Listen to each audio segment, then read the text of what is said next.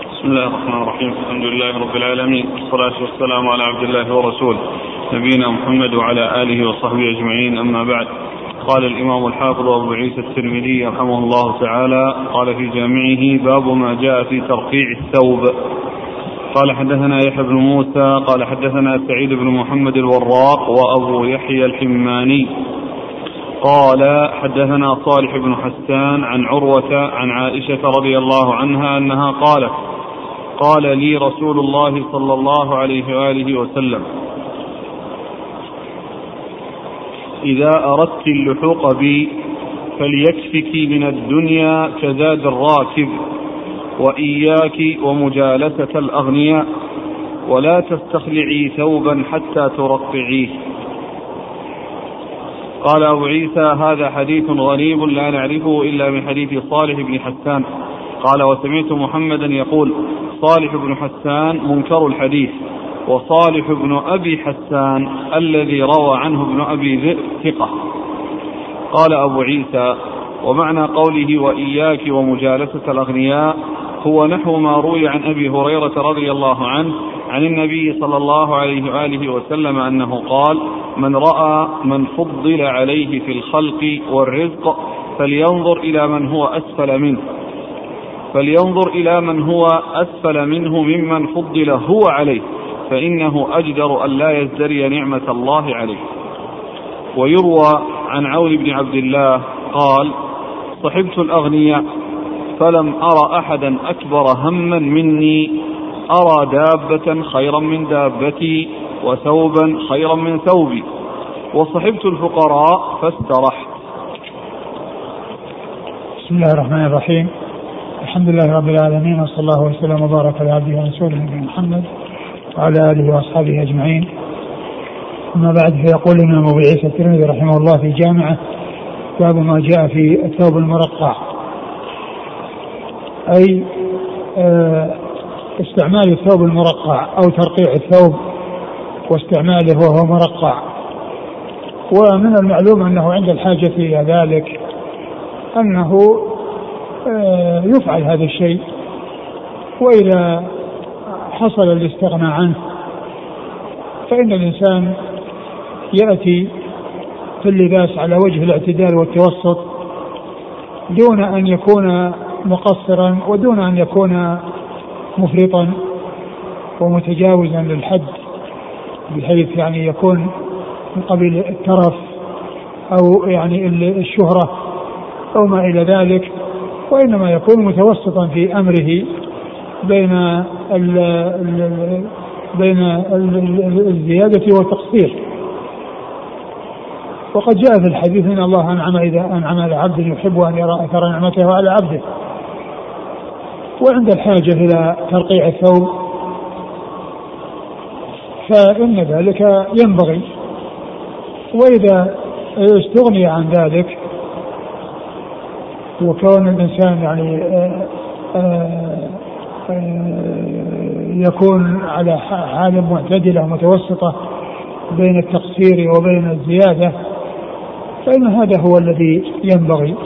وقد روي أبو عيسى في هذا الحديث حديثا ضعيفا لا يصح عن رسول الله صلى الله عليه وسلم وهو حديث عائشة قال إذا أردت اللحوق بي ف فليكفك من الدنيا كزاد الراكب.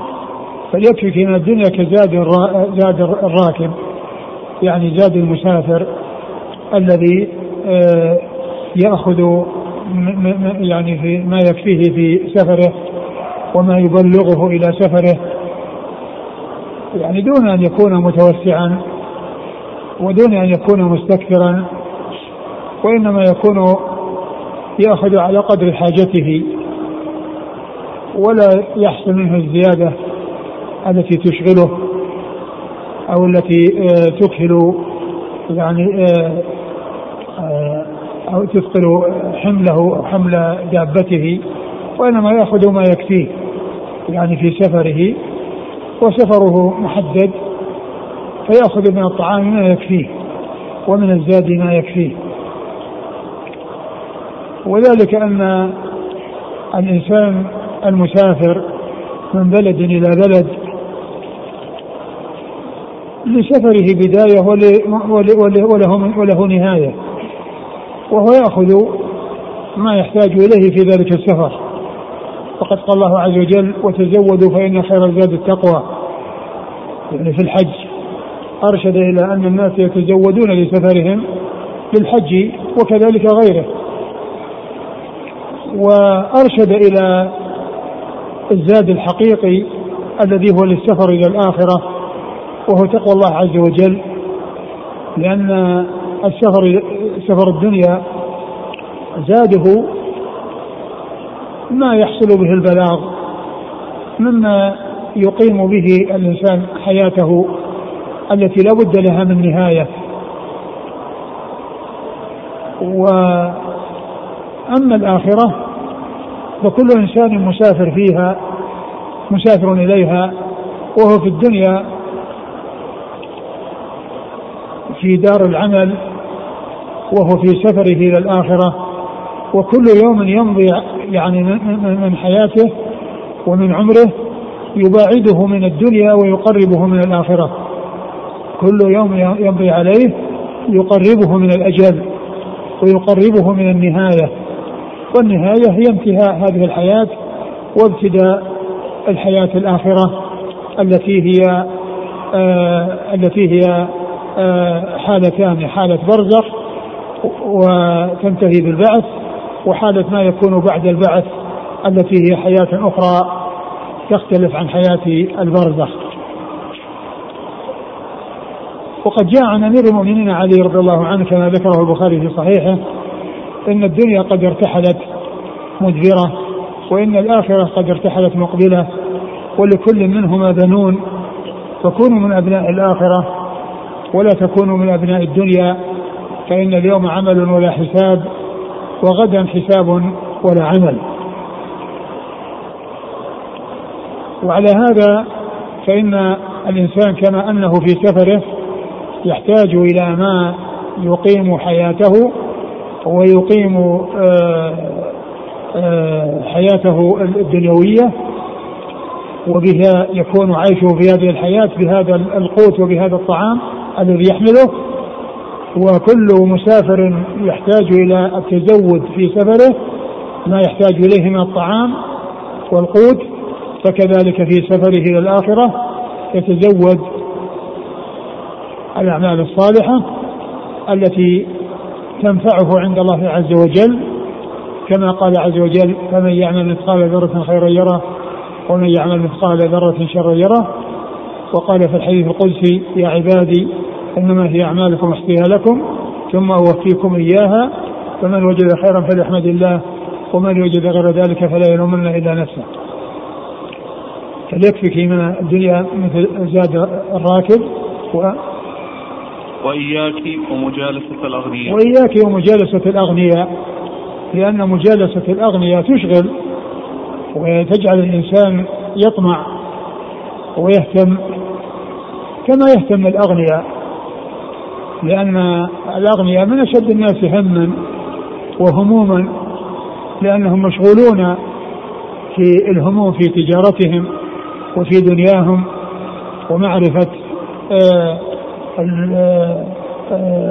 كل ما يحصل به الربح ويسلم فيه من الخسارة وهم مشغولون مهمومون فالإنسان الذي يخالطهم ويكون معهم ينشغل بما يشغلهم وكما جاء في الأثر ذكره المصنف بعد ذلك أن آه، من يخالط الأغنياء تجد أن يكون مهموما وأي مركوب آه، يحصل فإنه يفكر فيما هو أعلى منه وأي مسكن يحصل فإنه يفكر فيما هو أعلى منه. ولكنه إذا قنع ولم يشغل نفسه في هذه الهموم والتفكيرات فإنه يقنع بما قدر الله له وبما يسره الله له. وكما آه، جاء في الحديث لا ينظر أحدكم إلى من هو من هو فوقه ولكن ينظر إلى من هو دونه. فإن ذلك أجدر الا تجدروا نعمة الله عليكم لأن الإنسان إذا عرف أن الحالة التي هو فيها هناك أناس دونه فيها لم يحصل لهم هذا الذي حصل له فإنه آه، آه، يرضى ويعتبر أنه في خير كثير وأن فضل الله عز وجل عليه عظيم. ويشكر الله عز وجل. أما إذا اشتغل واهتم بالدنيا والتنافس فيها وتحصيل آه، يعني آه، ما يمكنه تحصيله فيه وكان شغله الشاغل وهمه فإن ذلك يتعبه ويضنيه وقد يشغله عن ما هو آه، من المهمات في حقه وهو العبادات التي يتقرب بها إلى الله سبحانه وتعالى. وبعده. ولا تستخلعي ثوبا حتى ترقعيه. ولا تستخلقي ثوبا حتى ترقعيه. يعني ان انه أنه يستمر على الثوب وأنه إذا حصل منه آه، بلا أو حصل منه تخرق فإنه يرقع ويستمر عليه. والحديث كما عرفنا هو حديث ضعيف غير ثابت عن رسول الله صلى الله عليه وسلم. نعم. عندنا بالعين بالقاف. عندنا بالعين تستخلعي. تستخلعي. لكن الصحيح تضاف تستخلقي. نعم تستخلق نعم.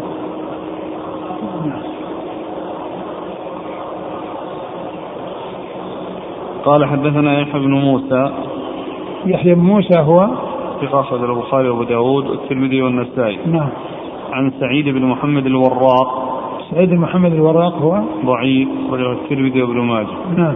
وأبو يحيى الحماني. وأبو يحيى الحماني هو صدوق يخطئ نعم. البخاري ومسلم في المقدمة. وأبو داود والترمذي وابن ماجه. نعم. عن صالح بن حسان. صالح بن حسان هو متروك. نعم. صدر أبو داود في المراسيل والترمذي وابن ماجه. نعم. عن؟ عن عروة. عن عروة ابن الزبير بن العوام ثقة فقيه أحد فقهاء المدينة السبعة في عصر التابعين أخرج له أصحاب كتب الستة. عن خالته عائشة أم المؤمنين رضي الله عنها وأرضاها وهي الصديقة بنت الصديق وهي ممن أكثر رواية عن رسول الله صلى الله عليه وسلم. فالحديث فيه متروك وفي الإسناد فيه متروك وفيه ضعيف. نعم. قال قال أبو عيسى هذا حديث غريب لا نعرفه إلا من حديث صالح بن حسان. قال وسمعت محمدا يقول صالح بن حسان منكر الحديث. صالح بن حسان هذا الذي في الإسناد. وصالح بن أبي حسان لأنه يشبهه في الاسم وقريب منه لأنه صالح بن حسان وهذا صالح بن أبي حسان. فهذا ثقة؟ نعم. نعم. والذي يروى عنه ابن أبي ذئب وقال عنه الحافظ في التقريب أنه صدوق أخرج له.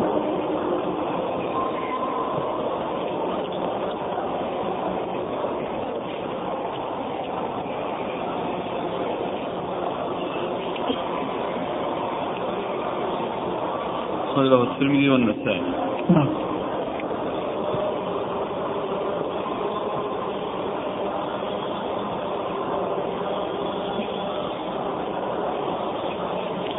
قال أبو عيسى ومعنى قوله إياك ومجالسة الأغنياء هو نحو ما روي عن أبي هريرة عن النبي صلى الله عليه وسلم أنه قال من رأى من فضل عليه في الخلق والرزق فلينظر إلى من هو أسفل منه ممن فضل هو عليه فإنه أجدر أن لا يزدري نعمة الله عليه. لأنه بمجالسة الأغنياء يعني يطمع ويتطلع ويكون مشغولا في أن يحصل شيئا من الدنيا أكثر مما عنده فيكون مهموما مغموما من أجل الحرص والرغبة الشديدة في الاستكثار من الدنيا وتحصيل أكثر مما هو عنده. فلا يكون بذلك شاكرا لنعمة الله عز وجل عليه. لكنه إذا نظر إلى من هو دونه ورأى أنه فضل على غيره وأن هذا الذي هو فيه ما وصل إليه كثير من الناس وأن الله تعالى من عليه وأعطاه شيء ما أعطاه من هو دونه فإن هذا يجعله يشكر نعمة الله عز وجل عليه ويعرف آه، عظيم آه، إنعام الله عز وجل عليه فيشكر الله عز وجل ويرضى بما يسر الله له ولا يشغل نفسه بالتطلع والتفكير والاهتمام والشغف في أن يحصل شيئا أكثر مما عنده لأنه بهذا آه، يعني يعتبر الذي حصل له ليس بشيء وأنه يريد آه، يعني ما هو فوق ذلك ولكنه إذا عكس القضية وبدل أن ينظر إلى من فوقه في المال وفي الغنى ينظر إلى من هو دونه في ذلك يجد أن فضل الله عز وجل عظيم عليه ويشكر الله عز وجل على نعمه الظاهرة والباطنة التي أولاها إياه. نعم. ويروى عن عون بن عبد الله أنه قال: صحبت الأغنياء فلم أرى أحدا أكبر هما مني أرى دابة خيرا من دابتي وثوبا خيرا من ثوبي وصحبت الفقراء فاسترحت. نعم لأن الذي صاحب الأغنياء يعني يكون تفكيره تفكير الأغنياء واهتمامه اهتمام الأغنياء وأما الذي يصحب الفقراء ويعرف يعني آه، عظيم نعمة الله عز وجل عليه وأن الله تعالى أعطاه ما لم يعطهم فإنه يستريح ويعرف أنه في خير كثير وأنه في نعمة عظيمة فيكون ذلك أدعى لشكر الله عز وجل على هذه النعم التي أنعم بها عليه ولم تحصل لكثير من الناس ممن هم دونه.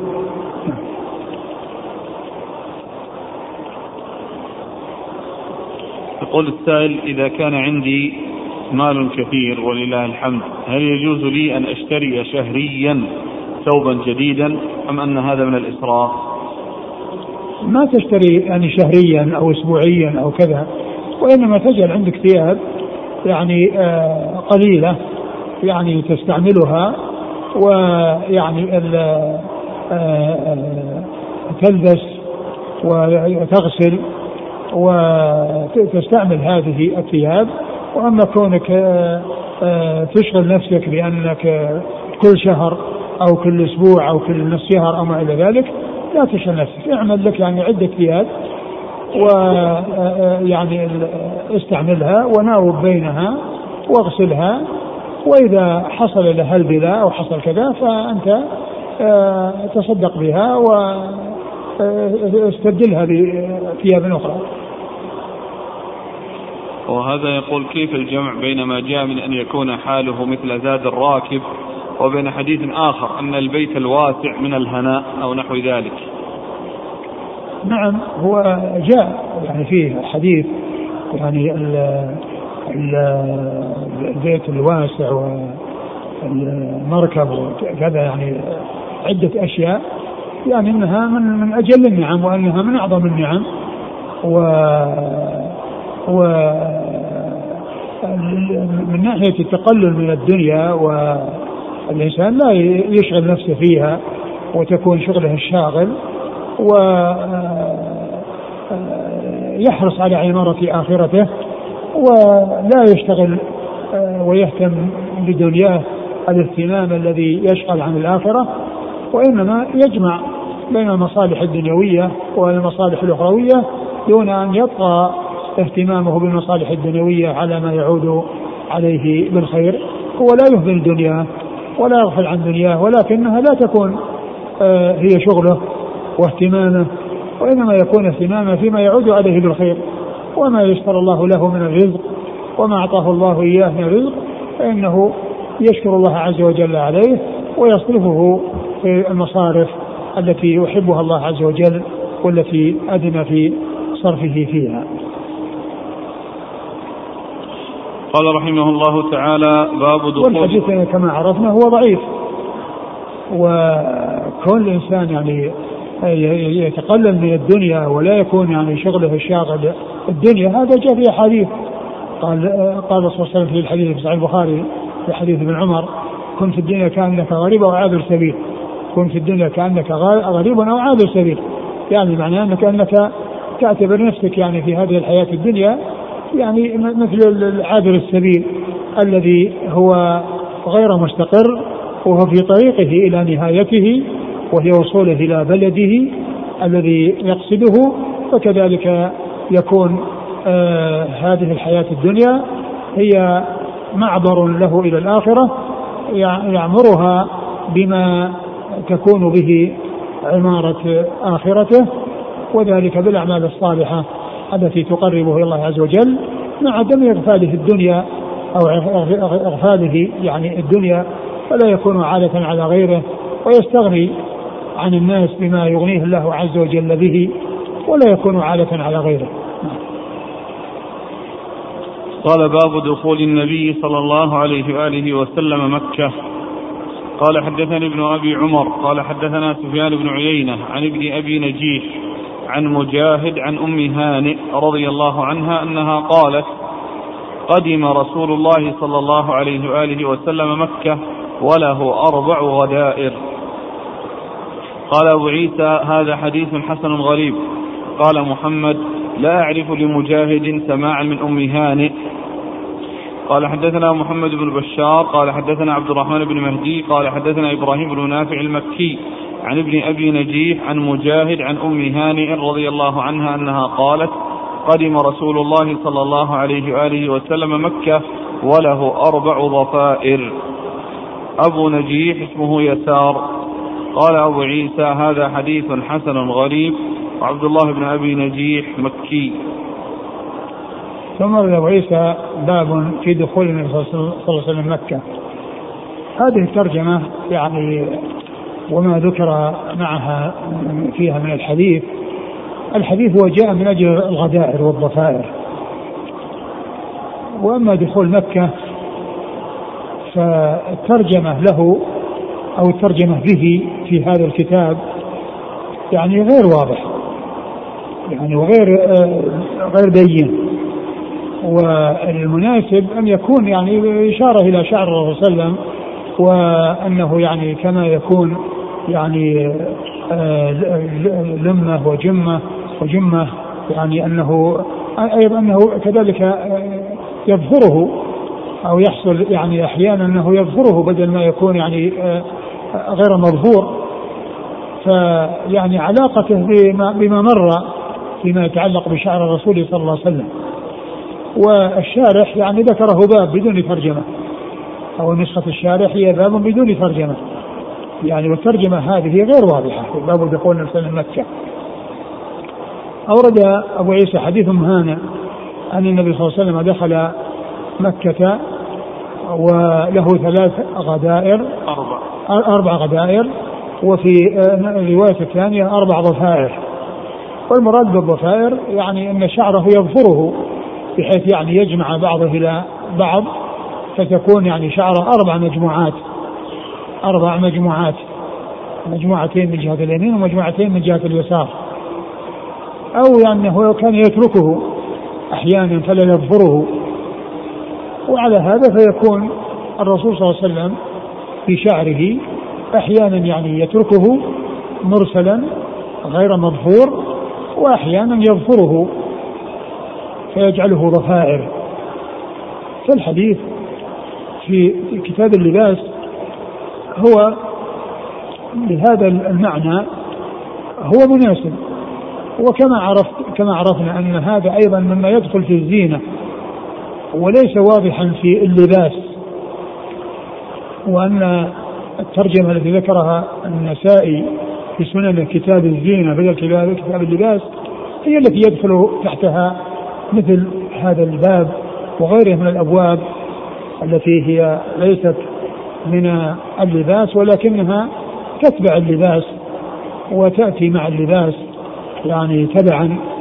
وأما كتاب الزينة فإنه يشمل اللباس ويشمل غير اللباس. فالرسول صلى الله عليه وسلم آه هذه هيئته وأم هاني تخبر عنه أنه كان كذلك حين قدم مكة عليه الصلاة والسلام. والغالب أن هذا عام الفتح. لأن أم هانة هي التي كانت آه يعني روت أنه دخل عليها وأنه اغتسل ويعني وفاطمة تستره وأنها يعني آه آه أخبرت بأنه صلى ثمان ركعات وأخبرته بأن أخاها عليا يعني أنه تكلم في شأن عدم إجارة من أجارته.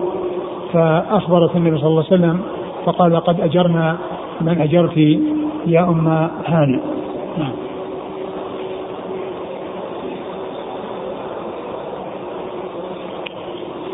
قال حدثنا ابن أبي عمر. ابن أبي عمر محمد بن يحيى بن أبي عمر العدني وهو صدوق أخرجه مسلم والترمذي والنسائي بن ماجه. عن سفيان بن عيينة. سفيان بن عيينة المكي ثقة اخرجه أصحاب الكتب الستة. عن ابن أبي نجيح. ابن أبي نجيح عبد الله بن أبي نجيح وهو ثقة أخرج أصحاب الكتب. ثقة أخرج أصحاب الكتب الستة. عن مجاهد عن مجاهد بن جبر المكي وهو ثقة أخرجه أصحاب الكتب الستة. عن أم هانئ عن أم هانئ بنت أبي طالب رضي الله عنها وقد أخرج حديثها أصحاب الكتب الستة. قال محمد لا أعرف لمجاهد سماعا من أم هانئ قال محمد لا أعرف آه، لمجاهد سماعا من أم هانئ ومعلوم أن البخاري رحمه الله يعني يشترط في صحيحه حصول التلاقي بين من الراوي ومن روى عنه ولو مرة واحدة. ويعني بعض العلماء مثل مسلم يكفي, يكفي يعني مجرد المعاصرة إذا كان معاصرا له. ويعني ثم أيضا ال آه، ال ال آه، رواية الراوي الذي يعني يكون معاصرا يعني لمن روى عنه ولم يكن معروفا بالتدليس. عنعنته محمولة على الاتصال. عنعنته محمولة على الاتصال. نعم. قال حدثنا محمد بن بشار محمد بن بشار هو الملقب بن دار وهو شيخ لأصحاب الكتب الستة أخرج له أصحاب الكتب الستة. عن عبد الرحمن بن مهدي عبد الرحمن بن مهدي هو ثقة أخرج أصحاب الكتب الستة. عن إبراهيم بن نافع المكي. إبراهيم بن نافع المكي هو ثقة أخرج أصحاب الكتب. نعم. عن أبي عن ابن أبي نجيح عن مجاهد عن أم هانئ. نعم. قال رحمه الله تعالى باب باب كيف كان كمام الصحابة؟ قال حدثنا حميد بن مسعد قال حدثنا محمد بن حمران عن أبي سعيد وهو عبد الله بن بسر. قال سمعت أبا كبشة الأنماري يقول كانت كمام أصحاب رسول الله صلى الله عليه وآله وسلم بطحا. قال أبو عيسى هذا حديث منكر. وعبد الله بن بصر بصري هو ضعيف عند أهل الحديث. ضعفه يحيى بن سعيد وغيره وبطح يعني واسعة. ثم أبو عيسى باب في كنام آه كنام كيف كان كمام الصحابة؟ كيف كان كمام الصحابة؟ الكنام قيل أن المراد بها الأكمام. وهي التي تكون فيها تدخل فيها اليدان. وقيل المقصود بها القنانس وقيل إنها المقصود بها القلانس. وبطحة يعني واسعة يعني ليست ضيقة.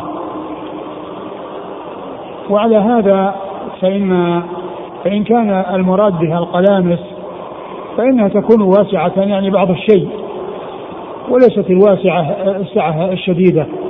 وكذلك إن أريد بها الأكمام فإنها تكون واسعة يعني الوسع المتوسط الذي يمكن معه إخراج اليدين إخراج اليدين للوضوء وغسلهما إلى المرفقين لحصول السعة المتوسطة وليست الواسعة الشديدة ولا الضيقة التي لا يمكن معها إخراج اليدين.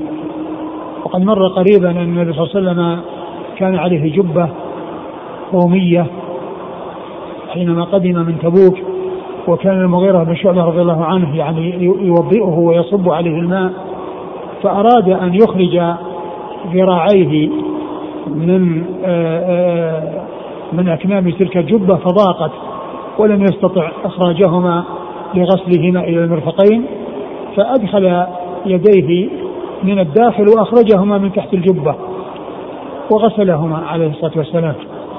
فتكون يعني يعني سعة متوسطة. يعني ليست السعة الشديدة أو الواسعة جدا التي يكون فيها يعني مجاوزة للحد ويعني إسرافا في اللباس ولا ضيقة جدا بحيث لا يمكن معها إخراج اليدين وإنما كان فيها سعة بمعنى أنه يمكن إخراج الذراعين منها ولحصول السعة فيها التي هي مناسبة وليست الضيقة التي لا يمكن معها إخراج اليدين ولا أن تكون واسعة جدا وإنما هي متوسطة هي سعة متوسطة. والحديث في إسناده يعني ضعف وفيه من هو متكلم فيه ولا شك أن التوسط في الأمور والاعتدال في الأمور هذا هو, هو الذي ينبغي في الأكمام وفي غيرها فالأكمام لا تكون يعني آه، واسعة جدا ولا تكون ضيقة جدا وإنما تكون متوسطة. قال حدثنا حميد بن مسعدة. حميد بن مسعدة صلي وأخرجه مسلم وأصحاب السنن. عن محمد بن حمران. محمد بن حمران هو صدوق فيه لين. نعم. أبو داود في القدر والترمذي والنسائي. نعم. عن أبي سعيد وهو عبد الله بن البصر وهو قال إيه؟ ضعيف. وهو ضعيف أخرج له. أبو داود في المراسيل والترمذي وابن ماجه. نعم.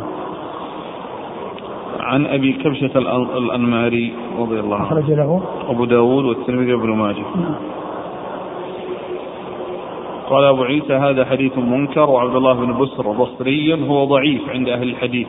نعم. ضعفه يحيى بن سعيد وغيره وبطح يعني واسعة. نعم.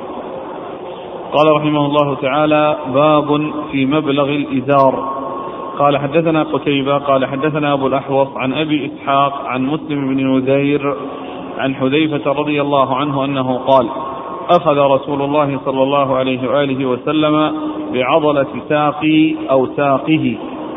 فقال هذا موضع الإزار فإن أبيت فأسفل فإن أبيت فلا حق للإزار في الكعبين.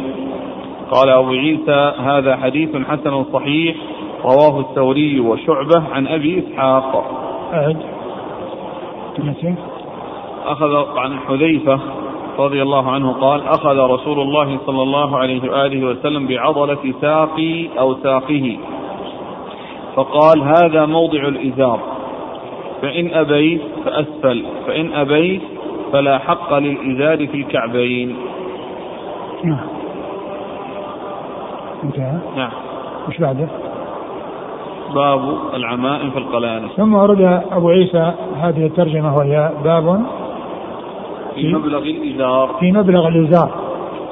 أي المكان الذي يعني يصل إليه الإزار من فوق وهو نصف الساق.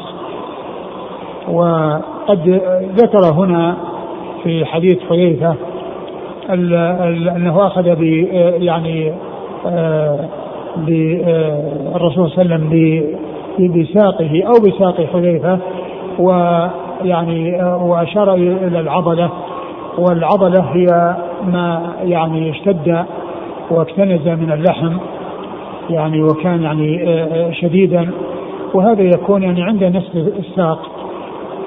فيعني هذا هو الحد الأعلى الذي يصل إليه الإزار. ولهذا جاء في الأحاديث إلى نصف الساق. هجرة المسلم إلى نصف الساق يعني أن هذا هو نهايتها وأنها لا ترفع فوق ذلك. لا ترفع يعني فوق ذلك. وجاء التعبير بالإزار في كثير من الأحاديث بدل القميص لأن القميص آه، يختلف عن الإزار من ناحية أنه ثابت. وإذا وضع على حد معين فإنه يثبت عنده ولا ينزل عنه. لأنه معلق بالكتفين. أما الإزار فإنه مربوط في الوسط ويسترخي. فإذا يعني جعل في الحد الأعلى الذي هو فوق فإنه إذا نزل ينزل في مكان مأذون فيه ومكان مرخص فيه. إلا أنه إذا وصل إلى الكعبين فإنه لا يجوز للإنسان أن يتركه بل عليه أن يرفعه. وقد جاء عن أبي بكر رضي الله عنه انه قال النبي صلى الله عليه وسلم ان يسترخي إلا أن يتعاهده. فقال أنت لست ما يفعل الخيل أنت من أهل الجنة.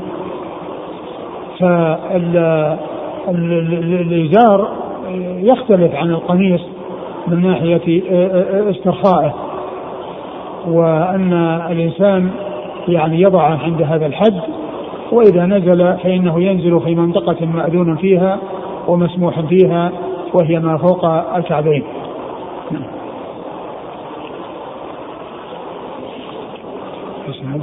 قال حدثنا قتيبة قتيبة بن سعيد ثقة أخرج أصحاب الكتب الستة. عن أبي الأحوص أبو الأحوص سلام بن سليم الحنفي ثقة أخرج أصحاب الكتب الستة. عن أبي إسحاق عن أبي إسحاق وهو السبيعي وهو عمرو عمرو بن عبد الله الهمداني السبيعي ثقة أخرج أصحاب الكتب الستة. عن مسلم بن نذير. عن مسلم بن نذير وهو مقبول. أخرج البخاري في المفرد والترمذي والنسائي بن ماجه. نعم. عن حذيفة. عن حذيفة بن اليمان رضي الله عنهما وقد أخرج له أصحاب الكتب الستة وقد جاء أحاديث أخرى يعني تدل على ما دل عليه حديث حذيفة يعني من آه أن نصف الساق هو الحد الأعلى. نعم. قال أبو عيسى هذا حديث حسن صحيح رواه الثوري وشعبة عن أبي إسحاق. آه الثوري هو سفيان الثوري ثقة أخرج أصحابه في الستة وشعبة وابن الحجاج الواسطي ثم البصري ثقة أخرج أصحابه في الستة وكل من آه شعبة وسفيان آه وصف كل منهم وصف بأنه أمير المؤمنين في الحديث وهي من أعلى صيغ التعديل.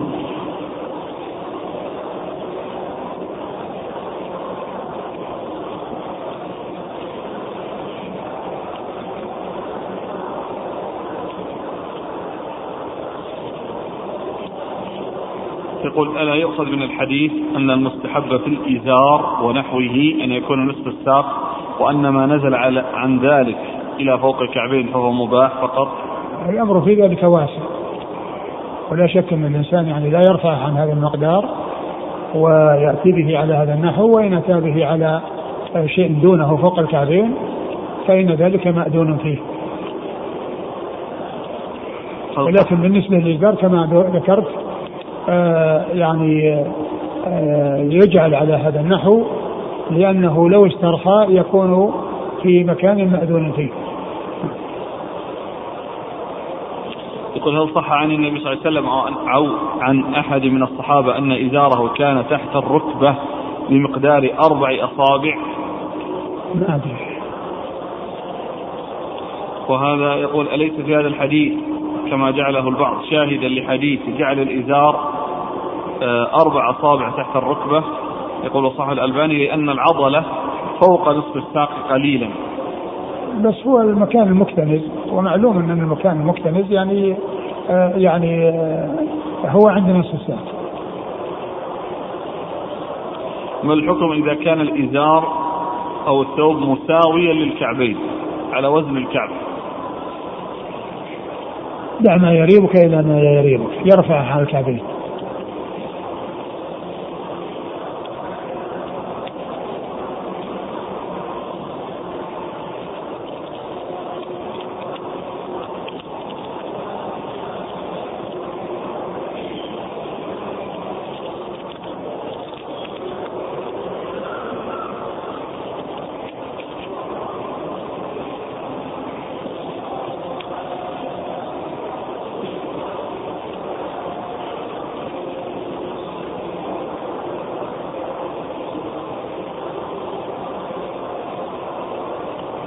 هل يدل حديث إياك وإسبال الإزار فإنه من المخيلة على مجرد الإسبال على أن مجرد الإسبال يعتبر من الخيلاء وإن لم يقصد صاحبه الخيلاء؟ آه الإسبال لا يجوز سواء قصد به الخيلاء أو لم يقصد ولكنه إذا قصد به الخيلاء يكون الأمر أشد والأمر أعظم ولا يتساهل في اللباس وفي الإسبال يعني وأنه لا يكون إلا يعني في في الخيلاء لأن الصحابة رضي الله عنهم وأرضاهم والرسول صلى الله عليه وسلم يعني عندما ينبهون أحد ما يسألونه هذا أنت تفعل الخيلاء ولا ما تفعل الخيلاء؟ يقول ارفع ثوبه ارفع ثوبك. ومن ذلك عمر رضي الله عنه في يعني كما ثبت في صحيح البخاري في الوقت أو الحالة التي هو عليها مما هو فيه من الشدة حيث قد فتح بطنه ويسقونه الماء فيخرج من جوفه قد قطعت أمعاؤه ويسقونه اللبن فيخرج من جوفه. ومع ذلك لما رأى من الذين زاروه شابا مدحه وأثنى عليه ثم انصرف. وإذا ثوب تمس الأرض فقال ردوا علي الغلام. ثم قال ارفع ثوبك. ما قال هل تفعل خيلا ولا ما تفعل خيلا هذا ما كانوا يسألون عن هذا الشيء. وقد جاءت أحاديث مطلقة تدل على تحريم الإسبال سواء ذكر فيه الخيلاء أو ما ذكر فيه الخيلاء ومنه الحديث الذي في الصحيح ثلاثة لا يكلمهم الله ولا يمر لهم واقعهم ولا يزكيهم ولا عذاب عليم المسبل والمنان والمنفق سلعته بالحلف الكاذب. المسبل والمنان والمنفق سلعته بالحلف الكاذب. فالإسبال من حيث هو لا يجوز. والإنسان إذا أسبل الثياب ولو لم يقل إنه يريد الخيلاء فإنه آثم. وداخل تحت ما ورد من الوعيد ولكنه دون من يقصد الخيلاء هذا شر إلى شر. وأما ذاك شر وبعض الشر هو من بعض. يقول السائل أشكلت علي إيراد لفظة أبيت في الحديث مع أنها وردت في حديث آخر على سبيل الذم كقوله صلى الله عليه وسلم كل كل أمتي يدخل الجنة إلا من أبى. يعني فإن لم ترد يعني أو لم تفعل كذا تفعل كذا.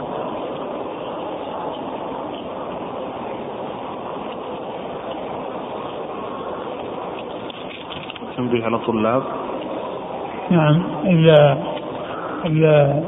المطلوب من الطلاب الذين يأخذون المساعدات أن يكتب كل واحد منهم الآن ورقة تشتمل على اسمه وجنسيته وتوقيعه وترسل يعني حتى تصل يعني إلى الأخ عبد الحكيم.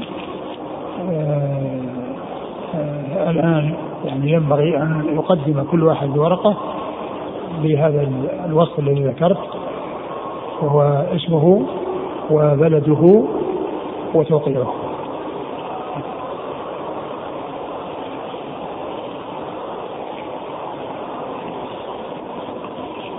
نعم. قال رحمه الله تعالى باب العمائم على القلانس. قال حدثنا قتيبة قال حدثنا محمد بن ربيع بن ربيعة عن أبي الحسن العسقلاني عن أبي جعفر بن محمد بن ركانة. عن أبيه أن ركانة صارع النبي صلى الله عليه وسلم فصرعه النبي صلى الله عليه وآله وسلم. قال ركانة رضي الله عنه. سمعت رسول الله صلى الله عليه وآله وسلم يقول إن فرق ما بيننا وبين المشركين العمائم على القلانس قال أبو عيسى هذا حديث حسن غريب وإسناده ليس بالقائم ولا نعرف أبا الحسن العسقلاني ولا ابن ركانة. ثم أورد أبو عيسى باب في العمائم على القلانس أي الجمع بين القلانس والعمائم بحيث يكون القلانس سواء أولا ثم تلف عليها العمامة. والحديث الذي أورده المصنف ضعيف غير صحيح. والأمر في ذلك واسع للإنسان أن يلبس القنانس بدون عمائم والعمائم بدون قلانس وله أن يجمع بينهما. وله أن يجمع بينهما فالأمر في ذلك واسع. والحديث الذي ذكره أورده المصنف هو غير صحيح لأن فيه ثلاثة مجاهيل. نعم. وش القلانس؟ القلانس هي يعني لباس يوضع على الرأس يعني ما أدري يعني إيش وصفه لكنه يعني آه العمامة تكون فوقه تلف عليه. وقد يكتفى به بدون العمامة وقد يكتفى بالعمامة بدون القلانس والمر بنا الكيمان أنها المقصود القلانس الضيقة التي تكون على الرؤوس أنها تكون القلانس الواسعة. نعم بطحة يعني واسعة أنها ليست ضيقة. قال حدثنا قتيبة عن محمد بن ربيعة محمد بن ربيعة هو؟ صدوق رجل البخاري المفرد وأصحاب السنة. نعم. عن أبي الحسن العسقلاني. وهو؟ مجهول أبو داود الترمذي. و... و... أو عن أبي جعفر بن محمد بن ركان وهذا مجهول أخرج له. أبو داود والترمذي. و... وأبوه محمد. أبوه؟ نعم, نعم محمد بن ركان مجهول أخرج له. أبو داود الترمذي يعني كل الثلاثة. مجهول كل منهما مجهول كل منهم مجهول وأخرجه أبو داود والترمذي. عن ركانة. عن ركانة رضي الله عنه أخرج له. أبو داود والترمذي وابن ماجه. نعم. قال رحمه الله تعالى باب ما جاء في الخاتم الحديد قال حدثنا محمد بن حميد. قال حدثنا زيد بن حباب وأبو تميلة يحيى بن واضح. عن عبد الله بن مسلم عن ابن بريدة عن أبيه رضي الله عنه أنه قال جاء رجل إلى النبي صلى الله عليه وآله وسلم وعليه خاتم من حديد فقال ما لي أرى عليك حلية أهل النار. ثم جاءه عليه خاتم من صفر فقال ما لي أجد منك ريح الأصنام. ثم أتاه عليه خاتم من ذهب فقال ارم عنك حلية أهل الجنة. قال من أي شيء أتخذه قال من ورق ولا تتمه مثقالا. قال أبو عيسى هذا حديث غريب. وفي الباب عن عبد الله بن عمرو رضي الله عنهما. وعبد الله بن مسلم يكنى أبا طيبة وهو مروزي.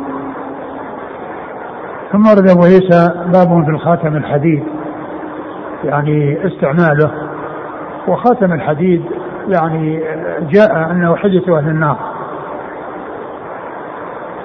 ويعني ويحتمل أن يكون المقصود بحلية النار أنها حليتهم في الدنيا يعني وأنهم يتحلون يعني ب يعني الكفار يتحلون بهذا أو أنها في الآخرة يعني ما يكون يعني فيهم من الأغلال وما يعني فيهم من, من, من ما يكون فيهم من الأغلال يعني التي يسحبون بها ويجرون.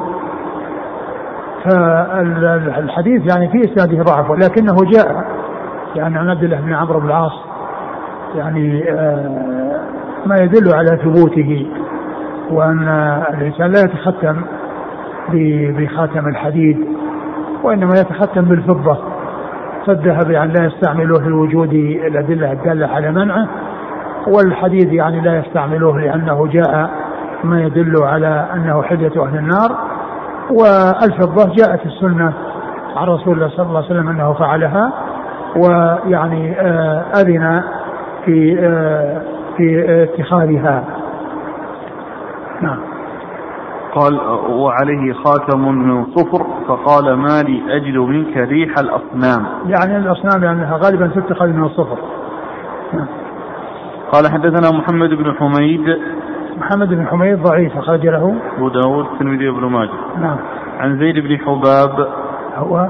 صدوق البخاري في القراءة ومسلم وأصحاب السنة. نعم. وأبو تميلة يحيى بن واضح. وهو ثقة. غير أصحاب الكتب. نعم. عن عبد الله بن مسلم. وهو صدوق يهم. أخرجه أبو داود والترمذي والنسائي. نعم. عن ابن بريدة.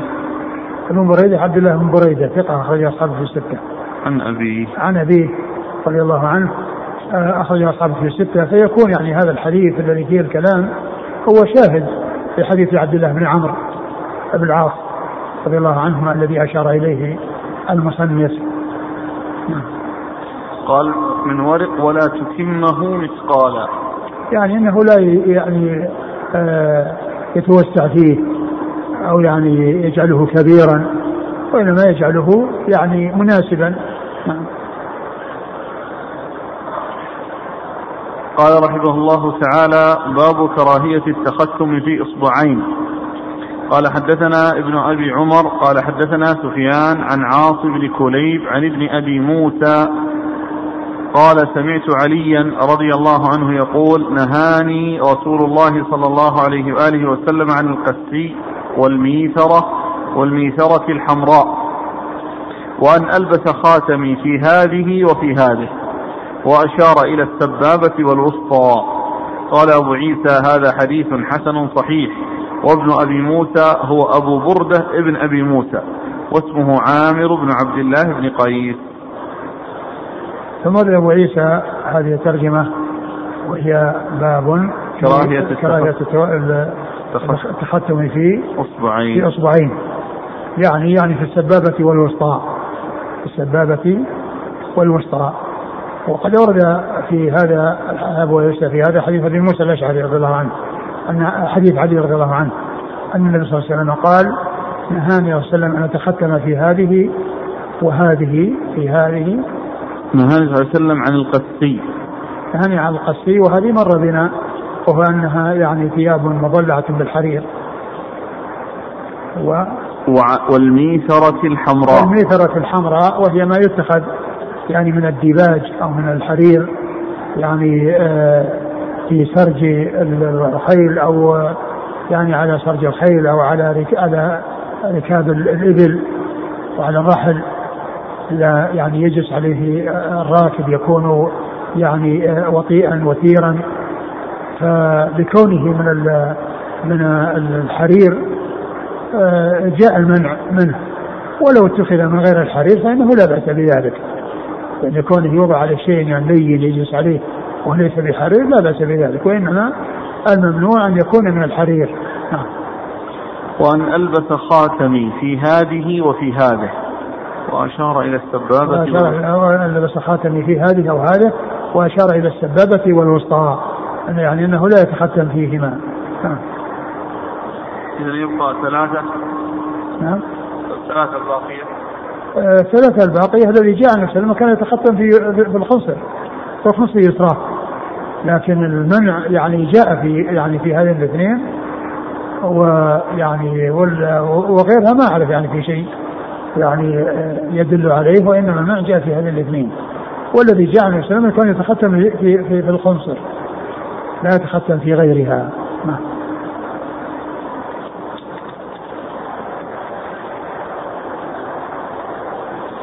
قال حدثنا ابن أبي عمر عن مر ذكره. عن سفيان سفيان بن عيينة مر ذكره عن عاصم بن كليب. عاصم بن كليب هو صدوق صحيح البخاري تعليقا ومسلم وأصحاب السنة. نعم. عن ابن أبي موسى. من أبي موسى وهو أبو بردة ابن أبي موسى وهذا جاء على خلاف ما هو مشهور به لأنه مشهور بأبي بردة وكثيرا ما يأتي في الأحاديث بابي بردة. وهنا جاء يعني ابن أبي موسى وهو أبو بردة وهو ثقة أخرجه أصحاب كتب الستة. عن علي. عن علي رضي الله عنه أمير المؤمنين. ورابع الخلفاء الراشدين الهاديين المهديين صاحب المناقب الجمة والفضائل الكثيرة وحديثه عند أصحاب كتب الستة.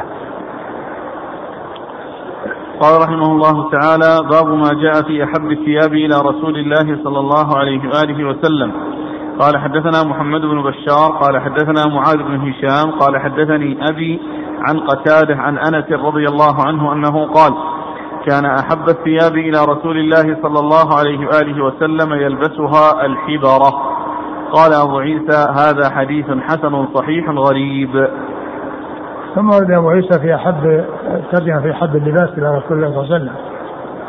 وهو الحبرة في هذا الحديث جاء الحبرة والحبرة هي نوع يعني الثياب يعني تكون من اليمن يقال لها الحبرة.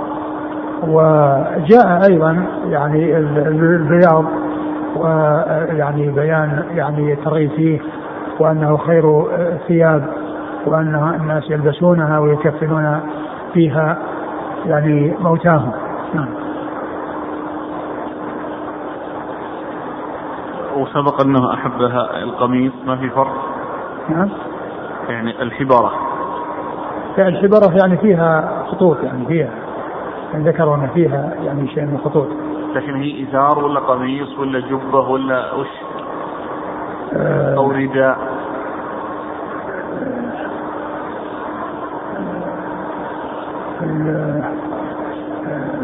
ما أدري. ما أدري لكن الذي مر الحلة هي التي تكون من إزار ورداء. الحلة هي التي تكون من إزار ورداء.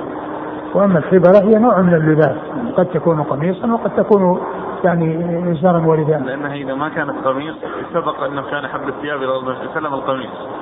نعم. وذكرتم أن العلة يعني كونه أستر كذا. نعم. فإذا كان هذا ليس من نوع القمص يصير يعني لا يمكن المقصود به يعني نوع الثياب. يعني نوع الثياب يعني من ناحية يعني نوعها. ويعني وإذا فعلت قميصا يعني فيكون يعني هذا هو الأتم والأكمل. وإن كانت يعني غير ذلك فهو مفضل يعني عنده صلى الله عليه وسلم. ولكن من ناحية القمص هي لا شك أنها أكمل يعني وأتم وأستر. نعم. قال حدثنا محمد بن بشار نعم مر ذكره عن معاذ بن هشام. معاذ بن هشام آه، صدوق ربما وهم نعم أخرجه أصحابه في الستة. عن أبي. وهو ثقة أخرج أصحابه في الستة. عن قتادة. قتادة بن على السديس البصري ثقة أخرج أصحابه في الستة. عن أنس. عن أنس رضي الله عنه خادم النبي صلى الله عليه وسلم وأحد السبع المكثرين من حديثه.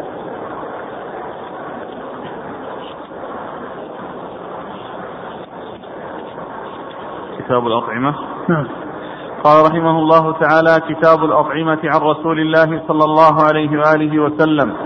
قال باب ما جاء على ما كان يأكل رسول الله صلى الله عليه وآله وسلم. قال حدثنا محمد بن بشار قال حدثنا معاذ بن هشام قال حدثني أبي عن يونس عن قتادة عن أنس رضي الله عنه أنه قال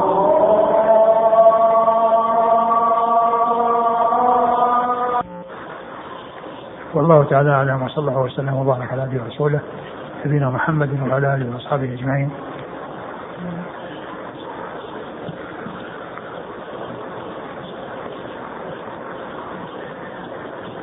جزاكم الله خيرا وبارك الله فيكم ونفعنا الله بما سمعنا غفر الله لنا ولكم وللمسلمين أجمعين. شوف كلمة الخبرة إيش كلام الشيخ فيها؟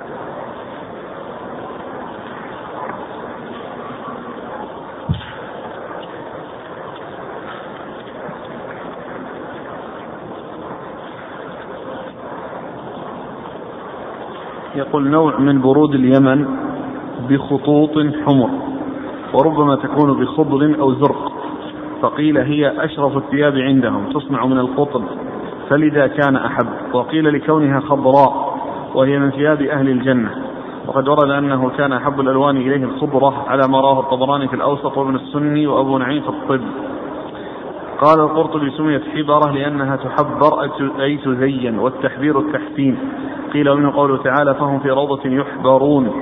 وقيل إنما كانت هي أحب الثياب إليه صلى الله عليه وسلم لأنه ليس في لأنه ليس في كثير زينة ولأنها أكثر احتمالا للوسخ. قال الجزري وفيه دليل على استحباب لبس الحبرة وعلى جواز لبس المخطط. انتهى. انتهى. آه يعني قوله ورود يعني يعني هذا يعني في إشارة إلى أنها يعني تكون يعني أردية أو أو أو أزر لأنه يعني لأن الحلة هي التي تكون من شيئين يعني في قصة أبي ذر رضي الله عنه في مع غلامة الذي قال يعني يعني كان كل واحد يعني عنده يعني أظن قال برد فقال له يعني بعض الناس لو أنك أخذت هذا وضمنته إلى هذا فكان حلة يعني زارا وردا. فأخبر أنه صلى الله عليه وسلم يعني فعل ذلك لامتثالا لقول النبي صلى الله عليه وسلم أنه يطعمه ما يطعم ويكسوه ما يكتسي وتركه على تلك الهيئة التي كان فيها مماثلا له وهو أخذ بما هو الأكمل وبما هو الأفضل والأتم فكلمة برود هذه يمكن أن يكون المقصود بها أنها يعني أنها يعني كالرداء وأردية نعم.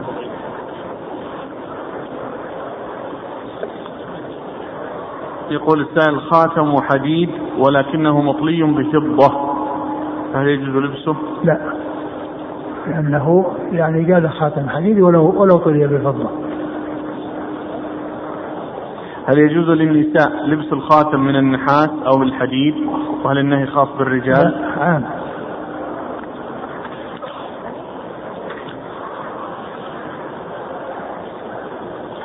وكذلك هل النهي عن التختم في الوسطى والسبابة يعم حتى النساء أو خاص بالرجال؟ الذي يبدو أنه خاص بالرجال لأنه قال نهاني نهاني المرأة تلبس أي إصبع؟ نعم هنا سؤال هل يجوز لبس خاتمين؟ هناك هناك آه، كتاب ألف في الخواتيم يعني كتاب واسع للحافظ بن رجب يعني آه، يعني خاص بالخواتيم وبيان أحكامها وأنواعها وما يتعلق بها نعم يقول هل يجوز لبس خاتمين الخنصر؟ الرسول صلى الله عليه وسلم ما كان يستعمل إلا خاتما واحدا.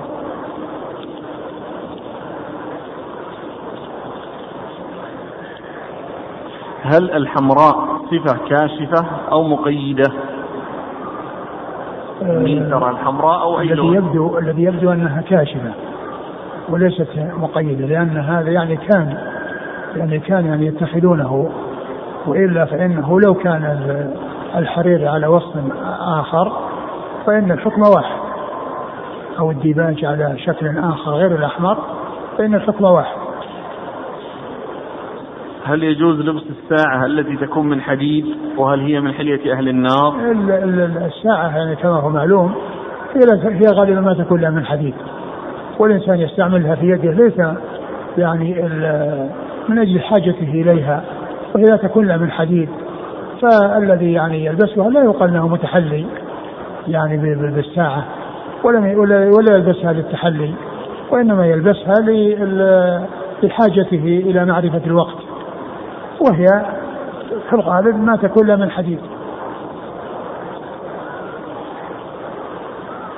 وهل الساعة الصفراء فيها تشبه بالنساء؟ ما أعلم يعني لوجه النساء يعني آه، ساعات تخصهم والرجال ساعاتهم تخصهم وكونها تصير صفراء أو ما إلى ذلك ما ما أعلم يعني شيء يعني آه، يمنعه بالنسبة للرجال وإنما إذا كان يعني في مشابهة للنساء يعني في آه، هيئة ما اعتادت النساء أو ما اختص به النساء ولا في ساعات معروفة للنساء وساعات معروفة للرجال. يسأل عن صحة حديث وأما الفضة فالعبوا بها لعبا ورد يعني في هذا الحديث ذكره الشارح أقول ذكره الشارح وقال إنه يعني ليس مقصود به النساء وليس مقصود به الرجال، الرجال يعني لا يتوسعون في في, في, في الفضة وإنما يعني يستعملون منها مثل الخاتم. هذه مسألة افتراش الحرير. نعم.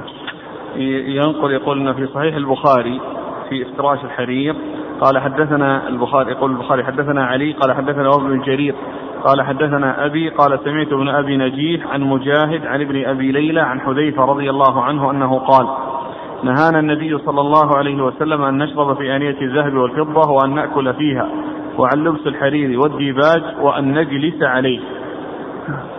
وقال تعليقا وقال عبيدة هو كلبسه. نعم. وثم نقل فتوى للشيخ محمد بن عثيمين رحمه الله مما كان يفتي فيه في نور الدرب في قول الشيخ الديباج الذي أكثره حرير لا يجوز افتراشه وإذا كان الحرير أقل من الموجود فيه مما نسج معه فإنه يجوز. ولكن الأولى أن لا يفعل لأن هذا قد يكون من الإسراف الذي لا يحبه الله عز وجل.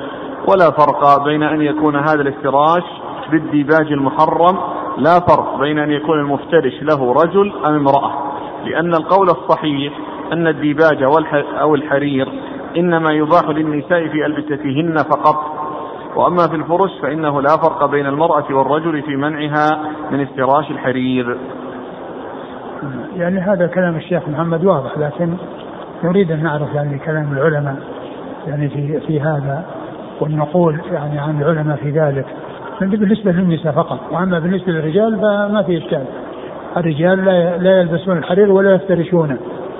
وإنما النساء تلبس الحرير وهل تفترشه أو لا تفترشه هذا هو الذي يحتاج إلى يعني معرفة يعني شيء يدل عليه. يعني هل النساء تعامل يعني في الحرير في الافتراش معاملة اللبس فيحل لهن أو أنه يكون بالنسبة لهن مثل الشرب بأنية الذهب والفضة يعني الشرب بأنية الذهب والفضة لا يجوز لا للرجال ولا للنساء. والافتراش لا يجوز للرجال. فهل يجوز للنساء أو لا يجوز؟ هذا هو الذي يحتاج إلى يعني معرفة شيء واضح فيه. جزاكم الله خيرا. سبحانك اللهم وبحمدك. أشهد أن لا إله إلا أنت.